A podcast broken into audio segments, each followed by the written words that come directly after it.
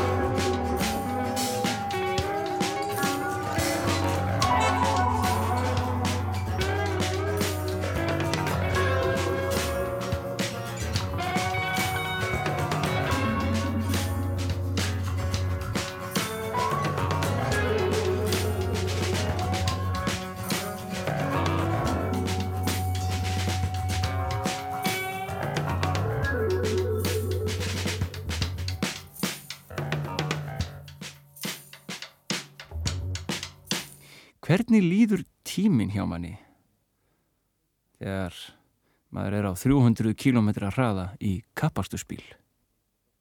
Ég ákvaða að spyrja Sverri Þórótsson fyrir um kapastusökumann að því. Já, það er alveg merkjöld að tímin líður, hann líður mjög uh, hratt þegar þú ert ekki fyrstur, þú ert að reyna að ná fyrsta sæti, en hann líður mjög hægt þegar þú komið fyrsta sæti. Þannig að þá viltu endilega keppnin klári sem allra fyrst. Þá ertu óþólumóður. Þá ertu óþólumóður, þá heldur þú kannski að, að, að á næsta hring getur mótorinn bíla eða þú getur farið út af eitthvað og þá er oft nervus. Og það er oft mjög erfitt að leiða keppni bara út á þetta og, menn, og það er heil eilíð að býða eftir að hann klárist. Og þetta setur náttúrulega auka eh, álag á, á mann, bara vitundin um þetta. Þetta, þetta er mjög mikið álag og þeir segja að, að sá sem hefur ekki leitt keppni að það, það er bara, það er bara hérna, uh, þetta, þetta er stór hluti, hluti af, af, af fjálfunni að geta leitt keppni þannig að þú verður svo nervus og, og, og, og það er svo mikið sem að uh, sko, stress á þér út af því að þú getur gert eitthvað feil, þú komin í fyrsta sæti og þá fer tímin að líða hægt. Ja. ótrúlega hægt. En þegar þú ert að sækja á, þú ert í þriðja, fjórða, fymta, þú eigir það að komast fram, framar. Já þá snýr dæmið öðruvísi við. Akkurat, þver auðvitað. Þá, þá vantaði tíma til að geta komist upp og, og ringinni detta niður þannig að, þannig að keppnin verið að klárast og þú þarf tíma til að ná fyrsta sætir. En þetta er svo, ég menn eru í svona þessum nú eru margar tegundir af kapastuskeppnum en við erum yfirleitt að tala um að þetta er álag sem stendur yfir í einhvern einn til tvo tíma jável, stöðugt já, já og þessi meðvutund er í gangi allan tíman já, já.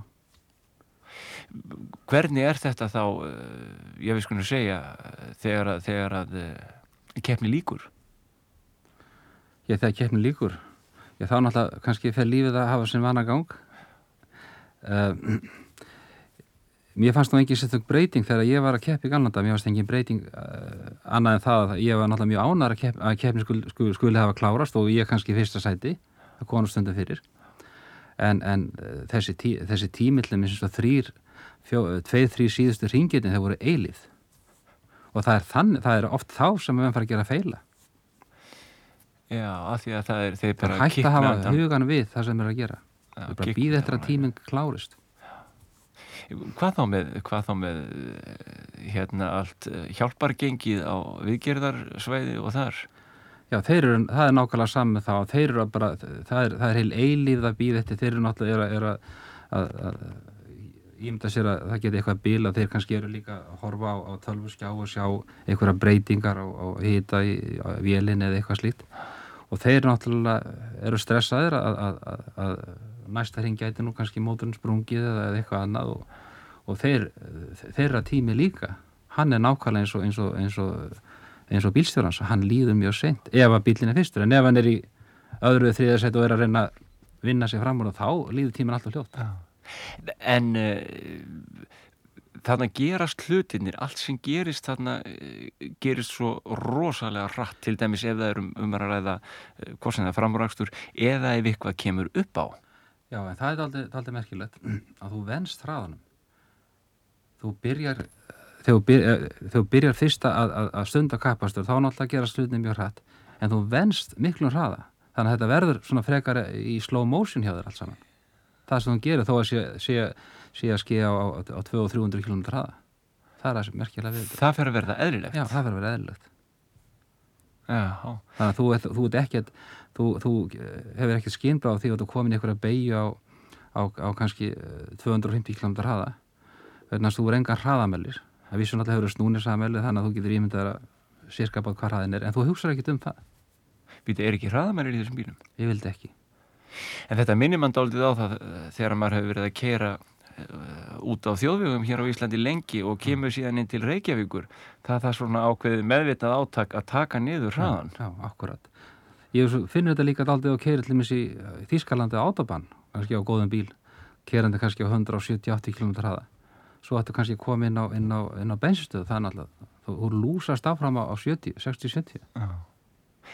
En hvað þá þegar að eh, menn er á einhverjum 200 km hraða á þessum brautum og uh, við skulum segja að þú sérð ekki fara undan eða þú sérð að þú munir ekki ná þessari beigju sem er framöndan. Hvernig líður tíminn þá? Ég, það er alveg merkilegt. Ég, hérna, ég hef upplifað það tvísasinnum að, að, að, svona, að lenda í alvarlegu slísi á braut. Og ég bæði skiptin sko það er eins og lífið bara hafi bara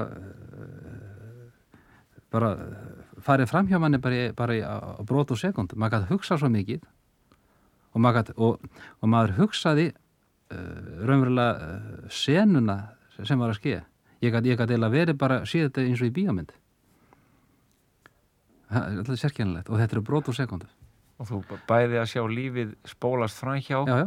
og við atbyrjum sem já. er að gerast og, ég, og, og meiri sé eins og þetta í annarskipti það var, það var í, í Danmörku og, og brauð þar þá, þá hérna, hendi sér út úr bílnum og flög hérna loftið og ég bara ég man nákvæmlega hvað ég var að hugsa meðan þetta skeiði það er ótrúlega og það var svo mikið og það var svo mikið sem fór framhjá það, það var eins og verið nógu tími þá Já, mikilvægt Þetta er aldrei sérkjænulegt Og þetta gerist bara í raun og veru við erum að tala með þetta er að gerast á einhverjum bara 5-10 sekundum Nei, bara brotu, bara 2-3 sekundum kannski, mestarlegi en, en, en þú séð bara heila eilið.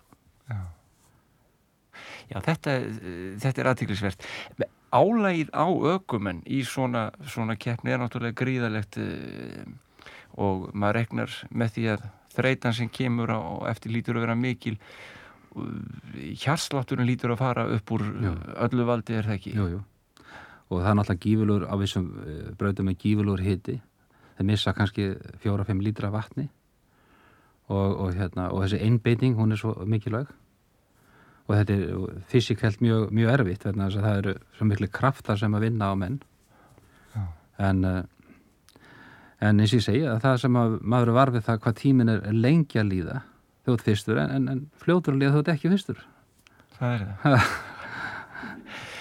Manstu ennþá segjur þessar myndir úr eh, sem, sem svifu um hugaðir þegar þú varst já. að lenda í, í þessu, þessu krassi Já, já Hvað þá með þegar það var um garð gengið?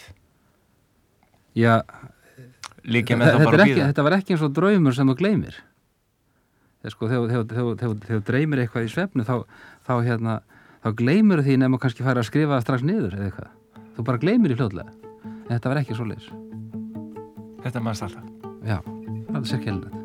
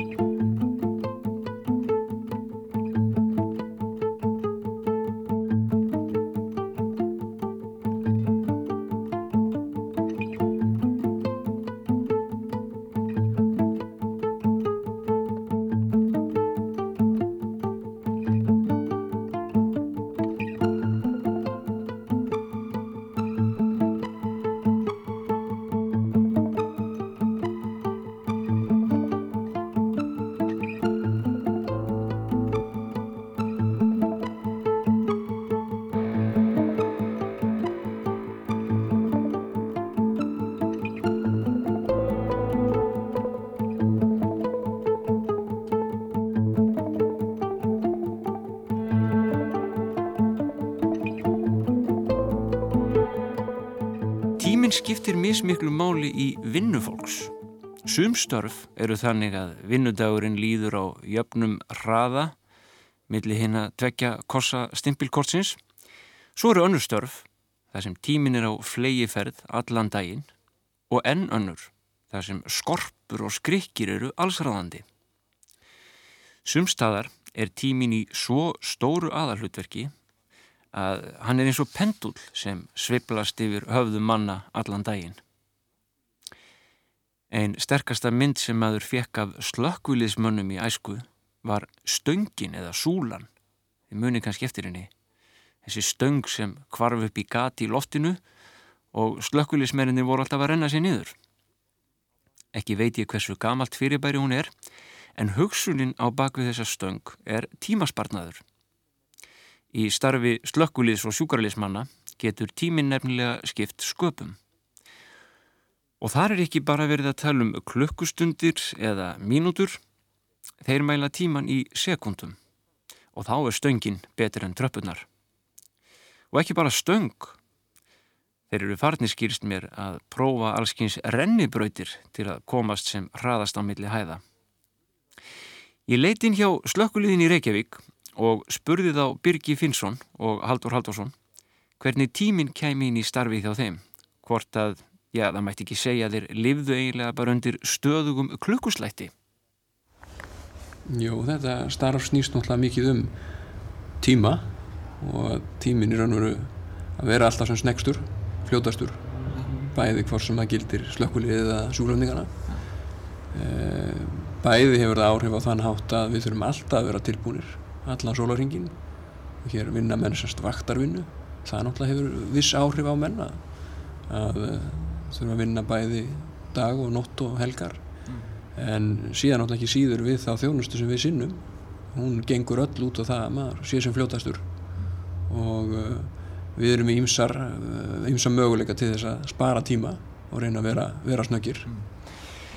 En maður lítur að þess á, á kannski með þetta uh, þetta að vera snöggur á staðin sem skiptir miklu máli í ykkar starfi. Við skulum hvort sem er að slis eða, eða bruna. Uh, hvað eru þið lengi getið nefnt með dæmið um það hvað eru þið lengi frá því að kall kemur?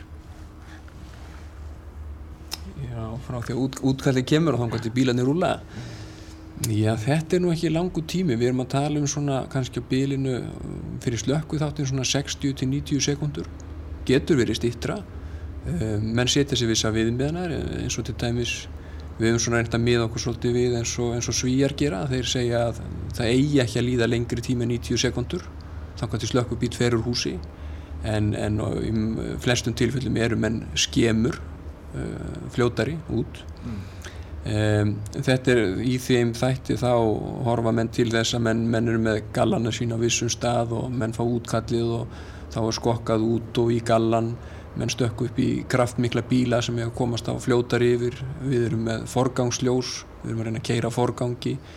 E, bílarnir eru þannig útbúinir að menn er að, undibúa sig á leiðinni. Menn er að setja á sig reikun og tæki þannig að þeir hoppa út úr bílinum á staðinum og þá það að vera tilbúinir þannig að það er stöðut verið að vinna því að, að starfi verði þannig að þú getur verið sem snegstur að, að öllum hlutum Það er alltaf verið að etja kappi við tíman hvernig gengur uh, þeim sem eru að að byrja til dæmis í slökkulíðinu að, að komast inn í þetta hvað maður segja, þennar rythma eða þetta tempo, maður rekna með að þeir sem eru orðin gamalrendir í starfin að þeir síðan farnir að gera þetta uh, nokkurn veginn ósjálfrátt. Þessi handtök sem þarf að hafa til að gera sér kláran og í bílana og, og á leiðinni. Er þetta tempo sem enn detta inn í? Uh, já, það má segja það Eh, yngri starfsmenn, ja, þeir sem eru að hefja störf, eh, þeim finnst þetta líka öruglega stressandi í byrjun, eru óvanir þessu að þurfa að vera að keppa við, við klukkuna. Þetta kemst nú fljótlega upp í vana og, og þegar svona aldurinn færist yfir og, og, og þjálfun eikst að þá verða menn róleiri og út af það gengur líka þjálfunni hjá okkur að, að menn séu svona að þessu í rólihetunum þó að þeir séu auðvitað að flýta sér en, en það sé ekki ykkur, eitthvað óðagott Já það er þessi flýtir án, án þess að fuma sem skiptir náttúrulega miklu máli. En þýðir þetta ekki að að menn já það kemur ákveðið kapp svona með árunum líka að vera ég raun og vera að slá með standa sér vel í tímasetningum? Jú, jú, það skiptir semst menn, menn er að miða sér við eins og ég var að segja með hvað þú fljótur í útkall já. á slökkubíl. Eh, varandi sjúkraþáttin erum við að miða okkur við okkar, okkar hérna, árangur til dæmis í hjartastoppum varandi enduríkun og uh, við minnum við sjöfum hvað meðal þessar fimm svona borgar sem hafa staðið sér hvað best í svona úttektur sem hafa verið gerðar og, og uh, megin ástæðan fyrir því er hvað við erum snöggir á staðin við erum með margar slökkustöðvar, það er fjóra stöðvar og við erum, vegalengdir er ekki það langar. Að, að, að þar skiptir tíma, tímin mjög miklu máli. Þú ert snöggur á staðin og fljótur að hefja aðgerðir. Við erum með læknir á einum bíl þannig við erum að stýtta tíman í það að menn er að fá mjög sérhæfða endurlíkunar aðstóð þannig að, að eh, jú, þetta er, er kappi tíman að reyna að standa sér sem best um, við erum jafnframt að, að fara í það og, og höfum verið að fylgjast með því sko, hvernig, sinnu, hvernig þjónustu erum að sinna á þessu svæði.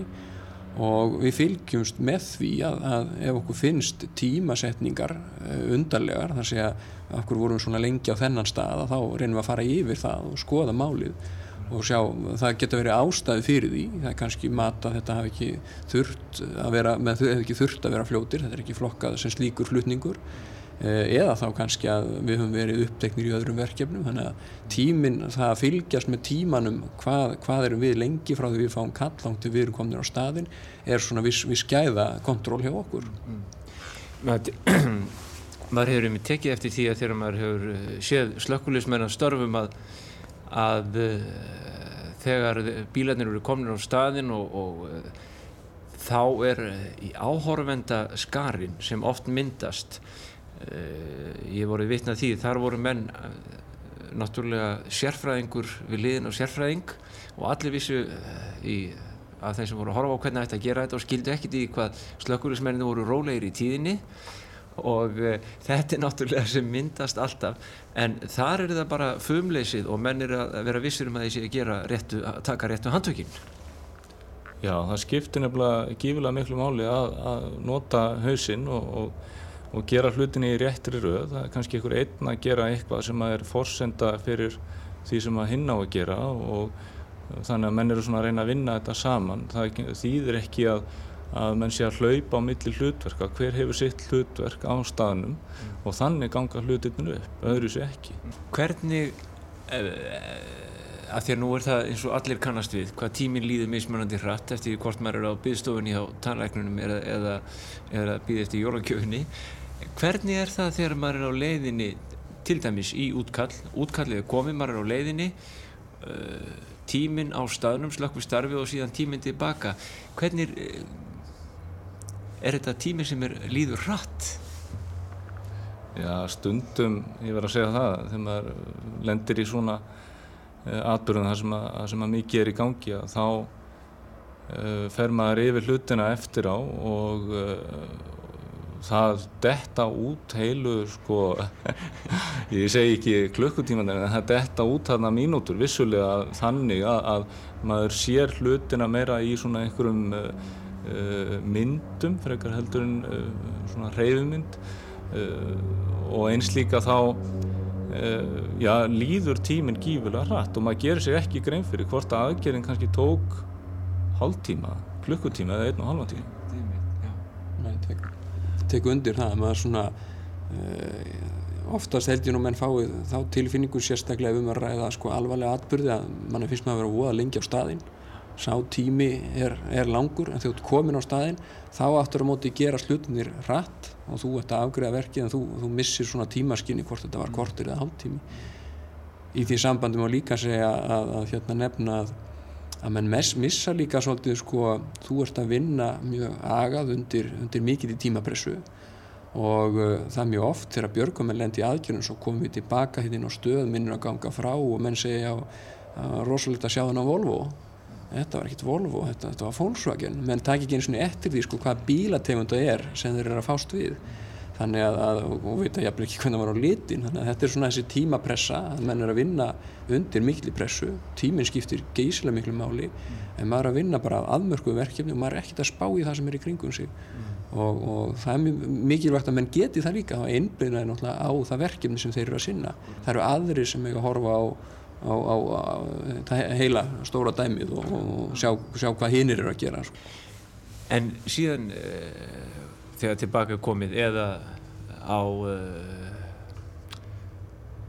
löngum tíma þegar ekkert útkall kemur hvernig er þetta hjá ykkur döði tímin uh, hvernig, hvernig, hvernig nota menn hann hér? Eða er kannski engin döðu tími? Er allir fannir heim bara? Uh, Já, menn nýta það sem við kalla döðan tíma í að, lífgan við við reynum að nýta tíma þannig að við sem æfa okkur Eh, förum í líkamsrækt, eh, það er reglulega á, á, á hverjum degi. Eh, við setjum upp ákveðnar æfingar hérna hjá okkur sem að vera þá tilbúinu til þess að, að hoppa út úr ef eitthvað þannig kemur upp á. Nú síðan á, á nóttinni þá erum við að reyna með að kvíla sig. Við erum ekki að láta menn vinna hér mikið á nóttunni, við teljum að það sé óþarfi. Eh, þannig að, já, það má segja það, við, við reynum að lífga tíman við hjá okkur, þannig að einslíka þannig að menn sé verð ekki leiðir í starfið, það skiptir máli að hafa eitthvað fyrir stafni. En er, já, nær maður að slappa og, og slappa bara á farsíman og kallækjanum ef maður er heima hjá sér? Já, ég minna að það er alveg, menn hafa alveg möguleikan til þess, en uh, aftur á móti erum við með þannig að, að við erum með útkallskerfi við getum bóðað okkar, alla okkar menn út líka þá sem er á fríváttinni og það kemur náttúrulega á og til fyrir að, að þess þurfi. Og uh, þá, þá, þá erum við líka að keppa við tíman, okkur vanta mannskap og, og þá er það þannig að við, við kvöllum út með SMS-skilabóðum sem er nú svona tísku fyrirbrið í dag, nota SMS en, en slökkulíð var nú komið með þetta áður en það var svona mikið tíska en til þess að flýta fyrir að, að þá erum við með sagt, eh, beina línu gegnum neyðalínuna eða neyðalína sem bóðar út fyrir okkur inn í, inn í hérna, kerfið hjá landsímanum þannig að, að bóðin uh, koma, koma fyrir í símana hjá slökkulismannunum þegar við erum að bóða út í útkall heldur en það hvort að Arsenal hafi skorað í einhverju leik eða einhverju slíku.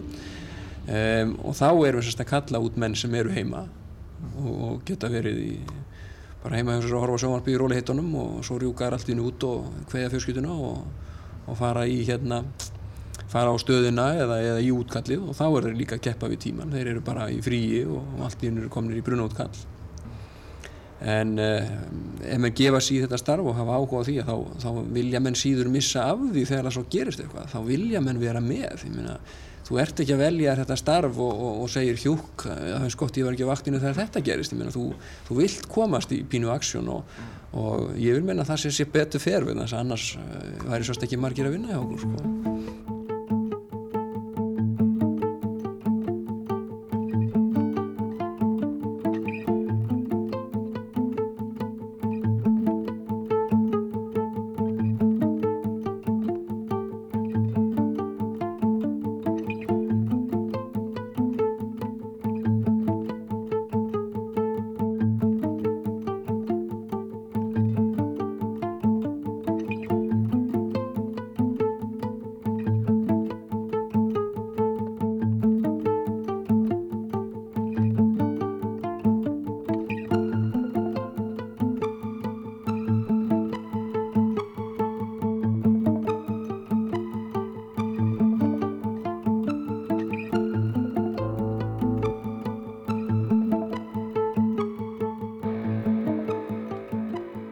Komiði sæl.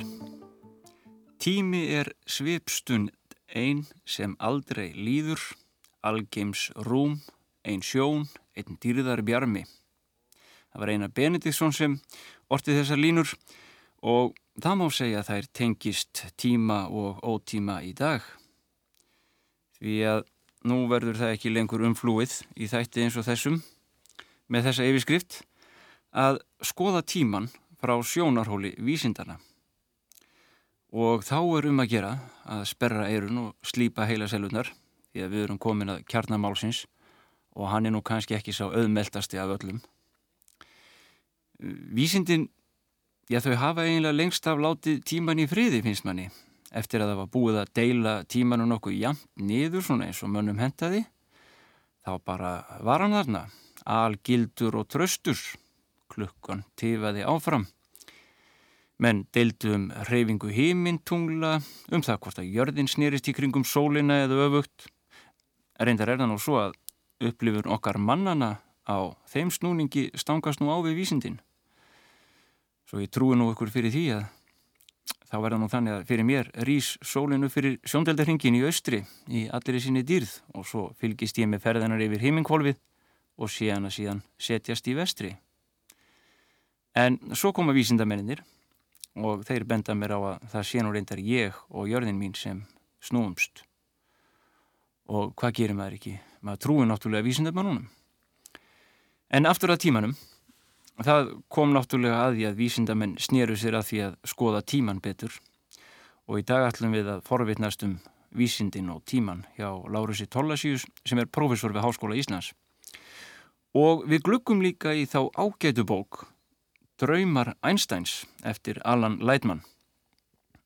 En fyrst aðeins að klukkonum sem telja tíman fyrir okkur Við komum aðeins inn á það í síðasta þætti að eh, klukkur skiptu miklu mál í borgarsamfélaginu hér áður fyrr og eh, víða ellendis. Já, þar voru klukkurnar setta náttúrulega á ráðhústurnin.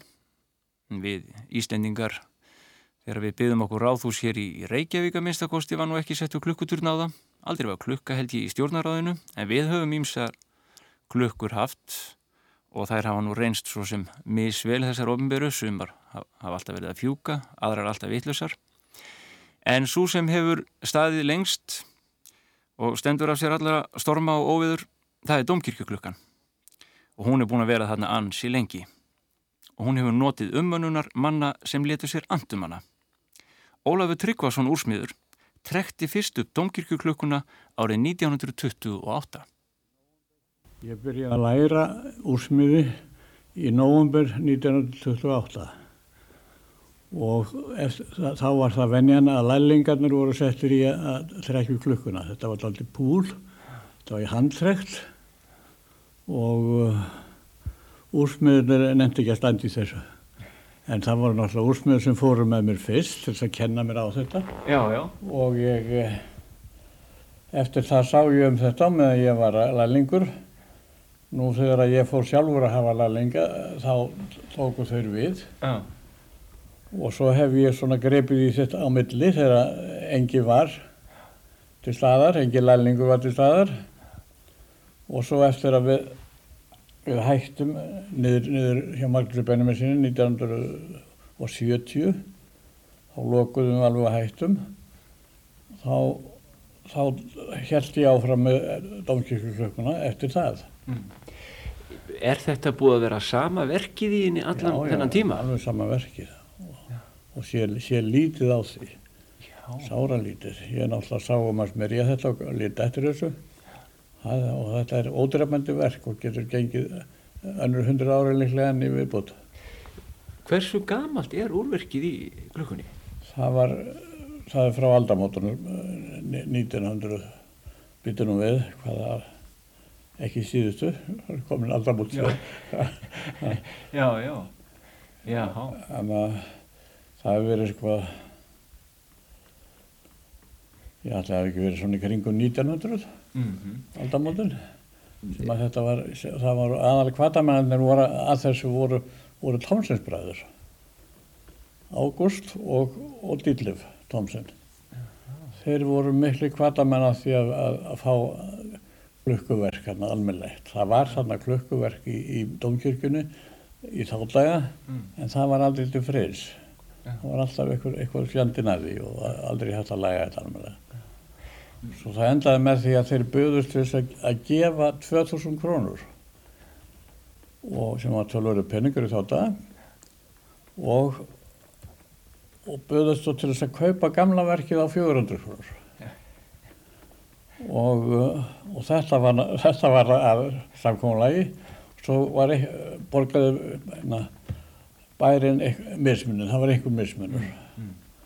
Já, þetta er, já, elsta klukka sem við erum með ofnbjörg klukka, er Já, það ekki? já, þetta er alltaf óbyrgklukkan, það er alveg rétt. Já.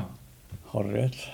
Gekk hún alltaf nokkuð rétt eftir að þú tókst viðinni? Já, já, svona nokkur rétt. Ég þurfti alltaf að reyfa hana aðeins, svo svolítið misjaflega mikið vegna þess að hún var, hún gekk ekki alveg nákvæmlega eins að vetri til og sumri til. Penduldöngin sem, sem að ræður ganginum, hún var úr tré. Og það hefði svolítið áhrif á það hiti og kuldi og raki. Sko, það getur tréð gæti En það var aldrei stórt, þetta var kannski innan við mínúti og sólarhingi mestalagi og ég, ég sett hann alltaf rétta er ég fór þarna á þriðdögum og trekja hann upp Já. Einu sinni í viku? einu sinni í viku. Já. Notaði þriðdögana því að mér fa- fannst svo, eða reiknaðist út að það væri minnst um frídaga á þriðdögum. Já, já. Annars gæti maður alltaf lengt af einhverju frítugum. Já. Lendiru aldrei í því að missa úr uh, trekkingardag? Nei, nei, aldrei, ég var alltaf reyndi það, passa það alveg reynd. Já. Og það versta var náttúrulega þegar, að- þegar þeir voru að þvælast með að, að, að hérna flýta klukkun og senkinni, breyta henni, það var óþægilegt fyrir mig. Það var að gera klukkan 12 á nóttu Já. og ég var að hanga þá eitthvað fram eftir og það endaði með því venjulega bauði konunu út að borða bara þetta kvöld og svo sátum við í rólihautum fram til miðnættis Já. og svo fekk ég bara stöða bíl við leta hann keira með niður í Dómkirkju og breytti það var svolítið vesinn ég leta hann býða með bílinn Já. venjulega þeir voru nú svolítið skrýtnir fyrir þess að við hvort á að keira Dómkirkjunni Reykjavík Var, uh, var trekkingarkerfið eins allan tíman? Já, já, það er, og er ennþá í dag. Mm. Þetta er trekt, handtrekt og lóðin er heljarstór og þungum á annan metr á sta- hæð Mm. úr grágríti. Og eh, 40, og 30, já, 35 til 45 snúningar sem þurfti að snúa Já. hvert, hvert lóð og það var þó nokkur átak. En mikilvægi þessara að hafa verið töluvert líka í bæjarlífinu á, á þeim tíma. Það var það, vegna þess að það voru svo tilturlega ekki, ekki margir reykjökingar sem áttu úr í þá daga. Það þótti alveg sérstakur, sérstakur dyrgrupur að eiga úr. Já. Og þá, þá hefur þurft góða klukku til þess að geta að vita hvað tímanu leið. Já, já, þá hefður, hefður dólkirklukkuna Já. og þeir heyrðu í enni sláttin mér að segja. Já. Bæri maður alltaf lítill í þá daga að það heyrðist einlega slátturinn mik mikil hluta bæjarins. Var, eh, var síðan þegar þú fer að fá þína lærlinga til þess að fara á trekja var aldrei neinn nein, uh, taugaspenni við því hvort að menn myndu nú skemmi eitthvað? Nei, nei, það var, það var ekki. Þetta var allt saman gert menn með viti sem þannig koma að. Já, já, ég fylgdi þessu nú hlaði fyrst til að byrja með. Þegar ég eitthvað ekki fara þarna verið við sinna að kynna þeim hlutina Nei, nei. og þetta gekk allt saman vel. En Íslendi, já, reykvíkingar skulum við segja, hafa nú ekkit, eh, hvað ég var að segja, farið vel út úr sínum klukku eh, málum. Ég man nú eftir klukkun á þakki útvegsbankans, hún, eða hvesti vel á norðan, þá hafði hún nú ekkit upp í vindin og svo var hún meira og minna vitlaus. Já, já, það er alveg rétt. Og svo var persilklukkan. Já, hún var nú persuklukkan alltaf hún hafði ekki komið upp úr 1930 bara. Og það byrjaði með því að þetta var auðlýsing fyrir Persil og Hengel og Magnús Kjaran átti þetta. Og svo setna mér samt, samdan eitthvað við Reykjavíkaborgum að þeir eignuður klukkuna. Eða, eða, eða ég vissi ekki hvort, eða hvort þeir þeir gáðu leifumennskast til þess að hún fengi að vera. Mm. Þann, þannig var það, ég fylgdi ekki alveg með þessu hvernig þetta var. Og svo var það kífanarklúpurinn Katla sem að fekk leifið til þess að, að sjá um klukkuna og, lofa, og sjá, lofaði að sjá um verkið líka. Og þeir, þeir hérna hafa sett auðlýsingar á þetta svona til að eh, hafa tekjur af. Já, Það hefur verið svona einn aðal tekjur alveg klúpsins. Hefur þú komin ála þeirri klukku? Já, já, ég lendi því. Ég slapp ekki við það. Ég hef séð um hana núna síðust árin. Já. Ah, já, já. Þessi úrverk í svona gömlum klukkum, eh, er þetta ekki, ég bara tröstara heldur en úrverk í dag? Jú, þetta er, þetta er margt að þessu ágætt, sérstaklega til með kirkjuklukkan. Þetta er bara eins og vél í skipi. Já. Hjólin eru, eru svona í þvermál. Já, bara hálfu metri rúmlega? Já, já. Já, já. Þannig að það á ekki geta bílað? Nei, nei, þú ekki bara. En aftur persiklukkan er, er, er, skal við segja þér, það, það er eiginlega gö- gömul stofuklukka sem að eh, sérum, sérum, sem er móðurúrið. Móðurúrið fyrir, fyrir klukkurnar úti þannig á lækjartorgi. Já, já. Eh, hvernig var það þegar klukkan, dómkirkjuklukkan var svona mikilvæg í lífi bæjarbúa? Eh, einhver tíman hefur nú kannski skeikað eitthvað um mínútu, varst aldrei skammaði fyrir að vera með vittlusa klukku? Nei, það kom nú yfirleitt ekki fyrir. Það- Þetta var þótt að, það að væri eitthvað um mínútu á viku, þá þótti það ekki neitt, því að menn hefðu ekki það réttar klukkur sjálfur, svo þeir gátt ekki að segja á þessu, þeir gátt ekki að segja á þessu neitt, það var ekki samanvörn til.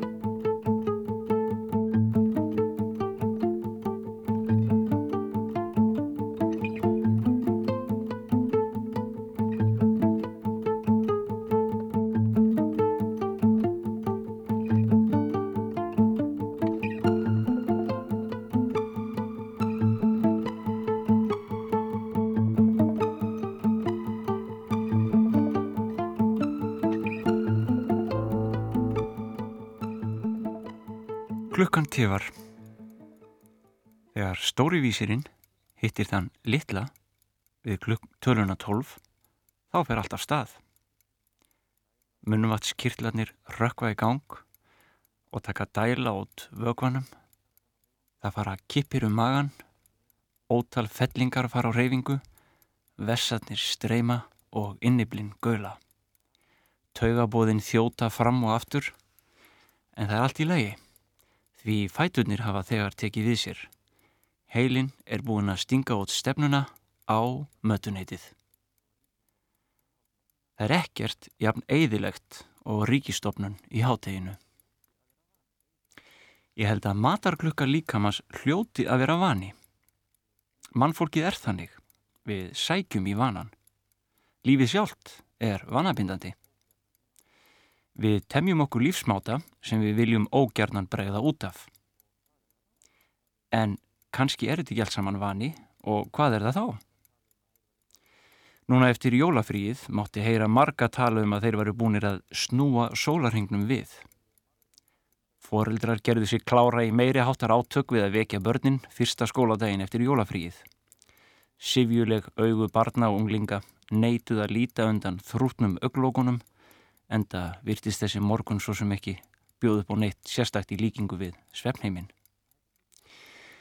Það þekki allir munstrið. Það vita allir að þetta tekur tíma. Bara snemma sofi í kvöld, reyna að ná upp réttum tíma, komast inn í réttan takt, þennan sem einkennir venjulegt líf. Hætta að vera svona rosalega sifjaður. Snúa sólarhinglum við. Það er að vaka þegar maður er vanur að vera svoandi. Á þeim tíma eru hins vegar margir aðrir vanir að vera vakandi. Til dæmis þeir sem vinna vaktavinnu, nætruvaktin.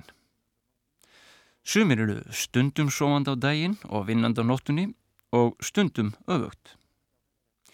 Einu sinni eitti ég heilu sumri í að sjá til þess að við fyrirhugað alveg í Strömsvík væri sæmili höfn reyndar á samt öðrum og þá var unnið á þrískiptum vöktum. Ein vika frá klukkan 8 morgunin til fjögur á daginn, síðan kom vika frá fjögur til 12 á miðnætti og næsta vika frá 12 til 8. Ég man eiginlega ekkit eftir þessu sumri, það er bara einhvern veginn leið. Nefna helst það að papp og mamma fór í frí og við yngvar stálum jeppanum hans pappa á skúrnum og skrupum í laugarásbíó, 15 ára gamlir. En það er nú allt önnur saga og allt annar tími. En svo eru þeir sem lifa bara og starfa á kvöldin og um nætur, fara að sofa þegar við hinn erum að skrýða fram úr. Næturverðinir.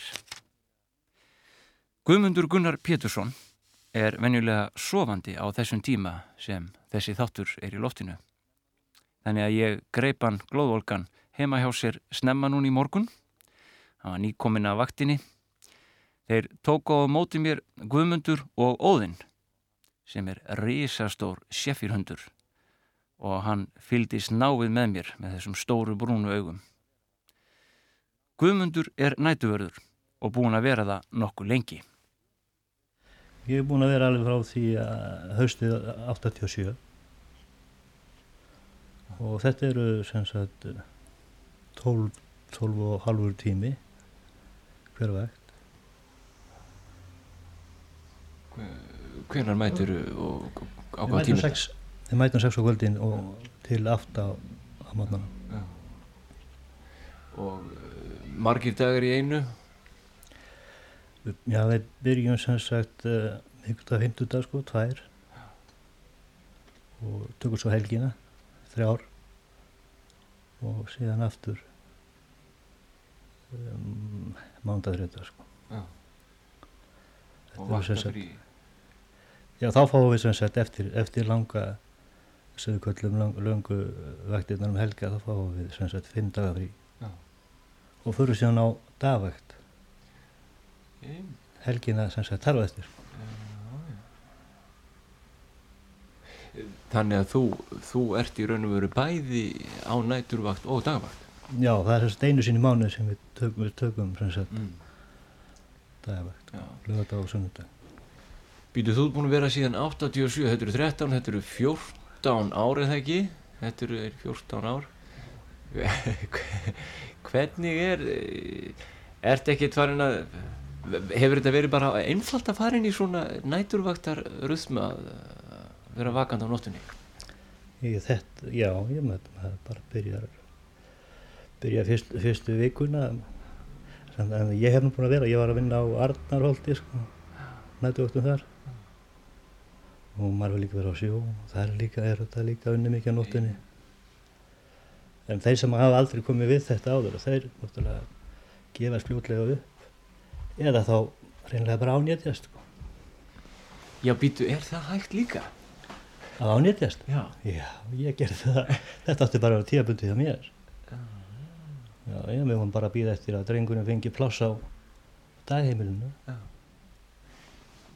Og hérna, þá var svo hendut að geta kastað sér sko eftir, eftir nættuvættirnar, passa drengin, með að frúin að rauna. Svo bara er maður þastur. Ja. Það eru 13 ára síðan. Svo er það líka, er það ekki í næturvörslu, þá er oft sem menn hafa kannski ráðurrúm og næði til þess að e, sinna einhverju sem þið bara gætu aldrei í erli dagsins. Já, Ég sé að það standa hérna tveir gítara hjá þér til dæmis. Já, já, menn leika sér þessi ellinni. Þá byrjaði maður. Þú ert næturvörður í, í, í Arnarkvóli, er, Stjórnmálarsbygginga. já, stjórnarásbygginguna. Það eru, það eru hérna, þessi Dartnankvóll, Hagstofan, Mentamálaráðnitið og, og Lunandeldi. Þetta þýðir að þú þarft að fara um svæ, svæðið og fylgjast með en þér gefst ráðurum til dæmis til þess að taka upp gítar og, og Ekki spila. Ekki vinnun. Ekki vinnunni? Nei. Nei. En hvað gera menn til dæmis á nætuvakt eh, af því að það er nú ekki alltaf eitthvað við að vera og, og leggja með kapal eða hvað gera? Nei, horfa á mynda, myndavélar. Horfa Það er, já, já, þetta eru tólf skjáir komið núna. Já. hitt er liðin tíð sko þess að menn voru að leggja kapal og ég vil taka skák sko. það er liðin tíð Já. nú var bara að setja þið við skjánum Þannig að, já, þannig að menn getur orðið þessi þreyttir í augunum eftir nætuvaktina. Jó, og Jónarnir, ég meina þetta er mikið er mikið stuð á þessu Já, akkurat. við vorum að býða um að er mælt Já, já.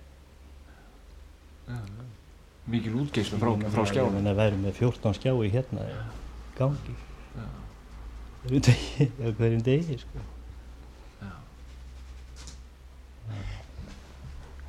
En uh, þegar þú, þegar þú eh, síðan kemur heim eftir svona, uh, er hægt að stilla sín á það að fara beint upp í rúm að sofa þegar að uh, allt samfélagið er að lifna og vakna eða þarf það að ná þig niður einhvern veginn? það, það er mjög gott á veturnar sko. Það er erfur á sumrin því þá er svo bjart sko.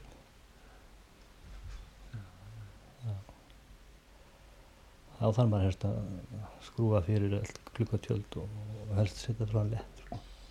það þarf að vera myrkur það er heðilega ástæðan sko. Já, en uh, mitt þetta nú, þetta er nú gamalt húsið þú ert að starfi, er, þú eru aldrei orðið varfið neitt, gömul byggingar ekki? Jú, Þú eru aldrei eh, orðið varfið neitt orðrind á sveimiðuna? það er mikið mikið að reyna þetta Já, er það ekki? Hreyflujón og svo jú, jú þeir kynna að vissu ekki Nei. þeir ganga hjá jú, jú það er líf í þessu Já, finnur þið fyrir því? já, sumi meira en aðrir Já.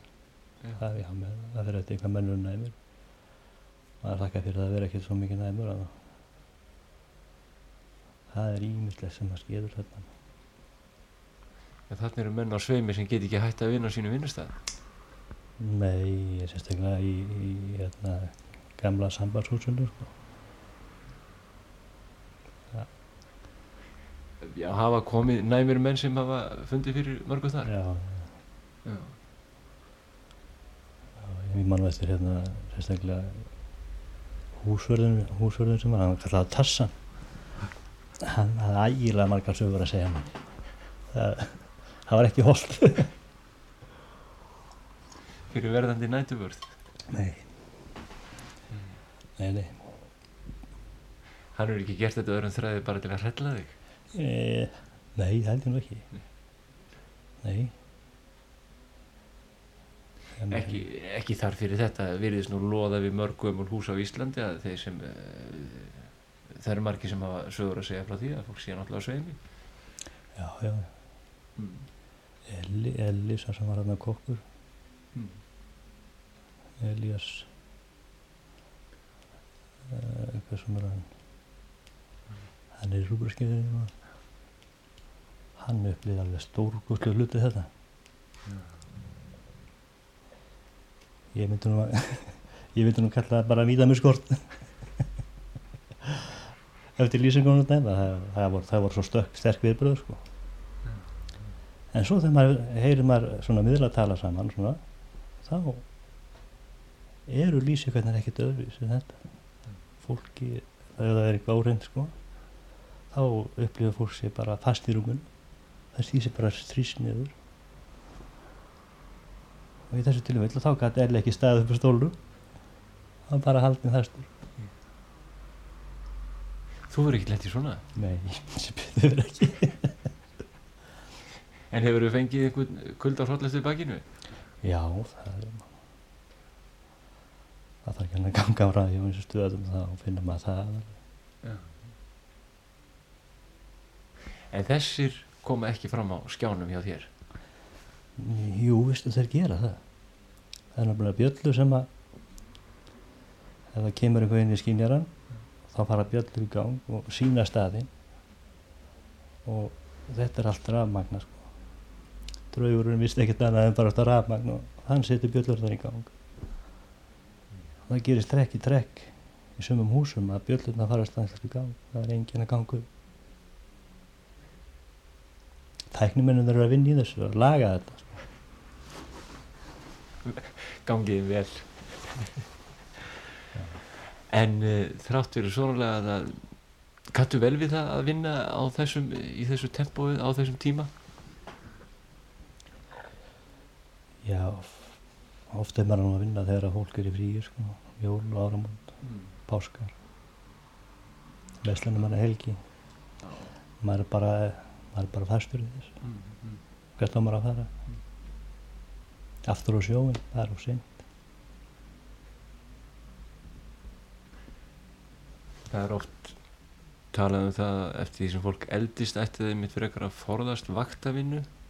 Er þetta eitthvað sem þú hugleðir? Já, ég er, ég er nú alltaf alltaf þessu verðinu. Er uh, hundurinn þessi stóra skefna, er hann alveg sáttu við nætuvætnar hjá þér? Alveg svo klukka. Alveg svo klukka. Hún er bara sagt, sko, nú er ég að fara að vinna. Hann passar húsið. Það líka að hann bara kengir kollið, sko. alltaf standbæði þegar maður kemur. Svo fer hann hérna út. Hann fer niður sko með frúni og hún er sopnuð eða hann heldur það. Þá fer hann svona leiðangur sko, í hvert herbyggi fyrir sig og síðan hérna upp og legg síðan hérna vaktar þetta Hann er líka á nætuvaktinni? Já, já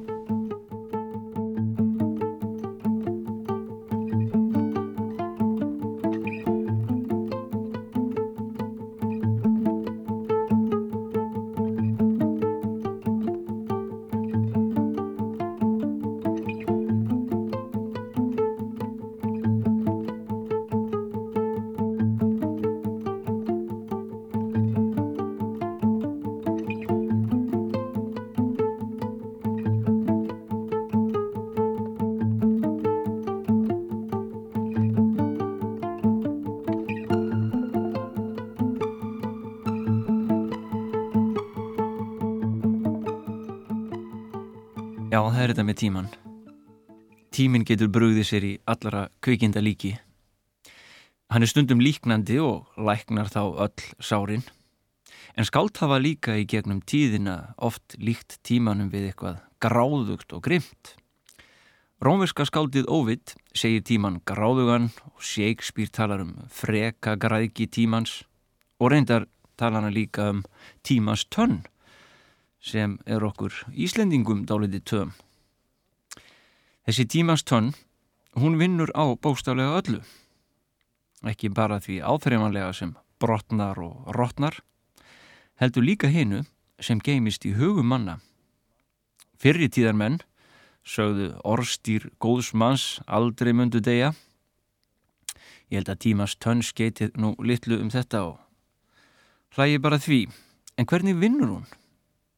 Já, stundum er þetta náttúrulega hrein eðilíkingastarðsemi En stundum bóðar hún breytingar því að hún mótar skoðanir og tilfinningamanna.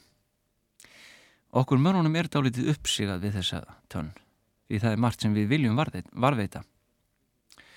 Reyndar er okkur yfirleitt lítil eftirsjá í því sem tilherir samtíð okkar eða svona nýliðinni tíð en það skýrst manni að það getur oft skama vandamál til dæmis hjá kvikmyndagerðanmönnum og, og öðrum slíkum Þeir eru oft í mesta basli með að finna í leikmyndir sínar hluti sem tilhera tísku eða einhverju æði sem gekk yfir fyrir svona 10, 15, 20 árum og ekkert eins gamalt eins og blaði frá því gær og ekkert eins hallarislegt og tískan og tónlistin sem er nýgengin um garð. En síðan líði einhver ár og þá viljum við kalla þetta allt fram aftur. Við viljum varðveita gamlan tíma, þess eldri, þess betra.